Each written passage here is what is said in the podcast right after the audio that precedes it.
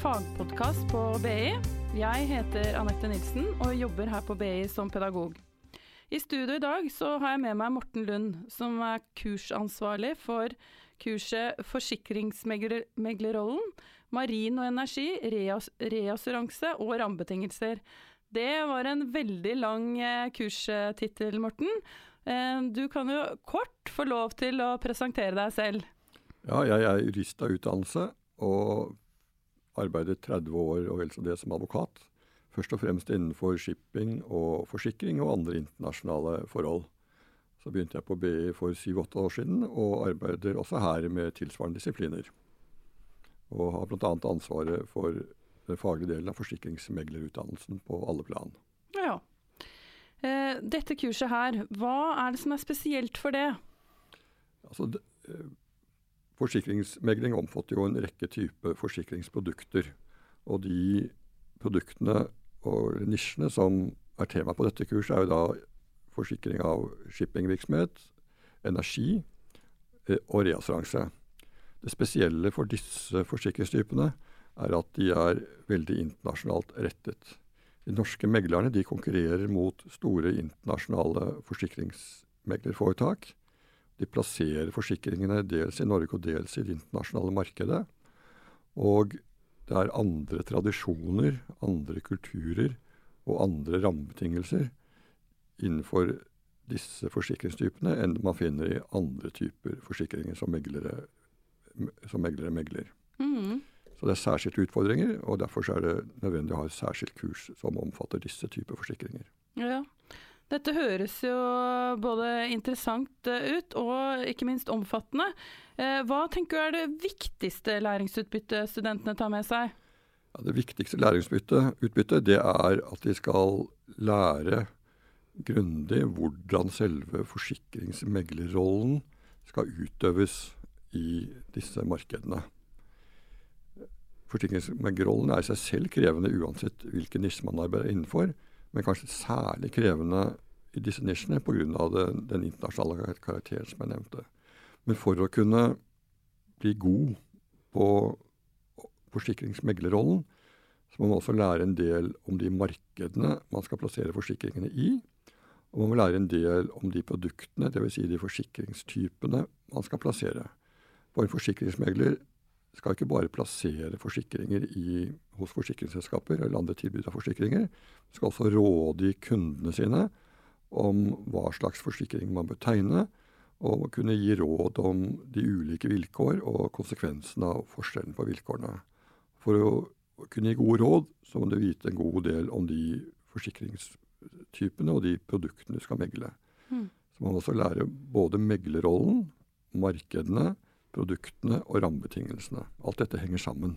Men hovedvekten er på selve meglerrollen. Ja, Det høres ut som eh, studentene skal få med seg mye på det kurset her. Eh, hva tenker du at studentene bør tenke på underveis i kurset? Og det er liksom Hvordan kurset er bygd opp, og hvordan kanskje, hvordan kanskje studentene skal lære alt det de skal ha med seg videre fra det kurset her? Ja, Det er ingen spøk. Fordi de fleste studentene har jo fulltidsjobb ved siden av dette, og så får de da permisjon når de er på samlingene. For øvrig så blir det mye kveldsarbeid og forberedelser. Men det studentene skal være oppmerksom på, er at det krever mye arbeid. Og for å kunne få godt utbytte av kurset, så må man være innstilt på å delta i de aktiviteter som tilbys. For vi baserer kurset veldig mye på studentaktiviteter, case-diskusjoner, studentpresentasjoner uh, og annen type deltakelse. Og det er også viktig, et viktig element i dette kurset at vi har et betydelig innslag av forelesere eller lærere fra meglerbransjen. Mm. Så vi kommer til å ha mellom fem og syv personer som har lang erfaring innenfor de ulike nisjene vi skal behandle, som dels skal forelese, og dels aktivt delta og styre studentaktivitetene, slik at, det, at aktivitetene styres i riktig retning. Mm. Det virker jo som dette er en gyllen anledning til å treffe top notch eh, fagfolk i forsikringsbransjen. Det er en unik anledning. Det ja. fins ingen bedre foraer enn dette for å oppnå det.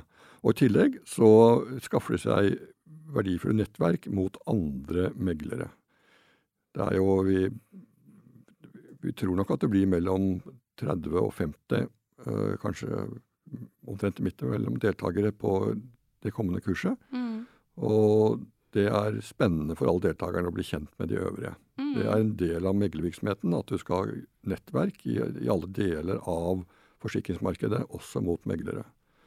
Så Det er en del av utbyttet, faktisk, å skape nettverket. Mm. Det høres jo også ut som det er viktig her at eh, studentene tar en aktiv rolle. eh, både i sin egen læring, men eh, kanskje også i forhold til det å knytte nettverk. Ja, og være, være litt på ballen der, da.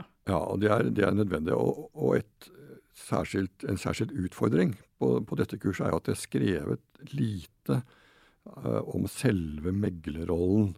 Uh, I hvert fall lite som er up to date. Mm. Så pensumsituasjonen er ikke ideell.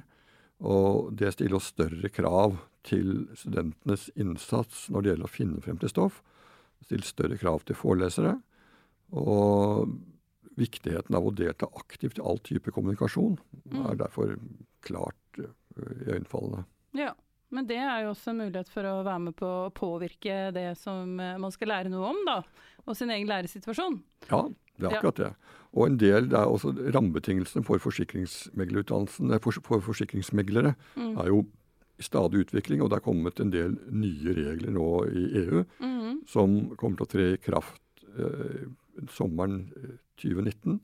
Og de som går på dette første, første gang jeg avholder dette kurset, de vil jo da få en komplett forståelse av de nye reglene allerede før det trer i kraft. Så de mm. får en stor konkurransefordel. Det høres veldig bra ut. Eh, da har vi vært litt innom det, men jeg tenker kanskje også uh, Hva er det som på en måte gjør at dette kurset er både veldig relevant, men også viktig for de uh, som jobber med forsikring i dag? Ja, altså Det er relevant og viktig av én formell grunn, selvsagt. At det er, hvis man ønsker å bli autorisert forsikringsmegler, så må man gjennomføre dette kurset. Men det er også relevant og viktig for personer som har andre formål med kursdeltakelsen. Um, man kan jo lære veldig mye om forsikringsmeglerrollen og de andre tilknyttede spørsmålene ved å arbeide med det, men det tar lang tid. Mm. Og her får man på en måte læringsutbytte i løpet av ett semester. Og man får de beste fra, innenfor megling fra flere forskjellige meglerforetak. Når man lærer, lærer, det ved å arbeide med det, så får man en positiv og god veiledning fra de som jobber i det selskapet. Men her blir det altså mye bredere flate av erfarne personer som skal lære seg hvordan yrket skal utøves, og hvilke rammebetingelser som må ivaretas. Mm. Det høres ut som uh, dere går høyt ut i forhold til uh, hva studentene skal sitte igjen med, og hva som er innholdet i dette kurset. Og det er jo veldig bra å legge lista høyt. Er det noe du tenker uh, at sånn avslutningsvis som, vi, som du ønsker å formidle til studentene? Ja, både til uh, det, det, som formidles, er jo kanskje litt gjentagelse, men dette er et veldig flott kurs. Vi har arbeidet mm. lenge med å utvikle det, og, og utviklingen har skjedd i tett samarbeid med Meglerforeningen. Slik at det er de som måtte ha bestilt kursporteføljen, og de har langt på vei vært med å utvikle kursinnholdet, i hvert fall rammene for kursinnholdet. For de vet jo hvilke behov næringen har. Og vi sitter med kunnskapene, og vi sitter med kunnskapene om, om å formidle stoff. Og, så det har vært en veldig veldig fruktbart godt samarbeid. Så jeg kan vanskelig tenke meg at det går an å utvikle noe bedre kurs enn dette innenfor disse områdene. Så her har dere en mulighet, kjære studenter, til å få det beste på en konsentrert måte. Det høres veldig bra ut. Da tror jeg vi lar det være siste ord i denne podkasten.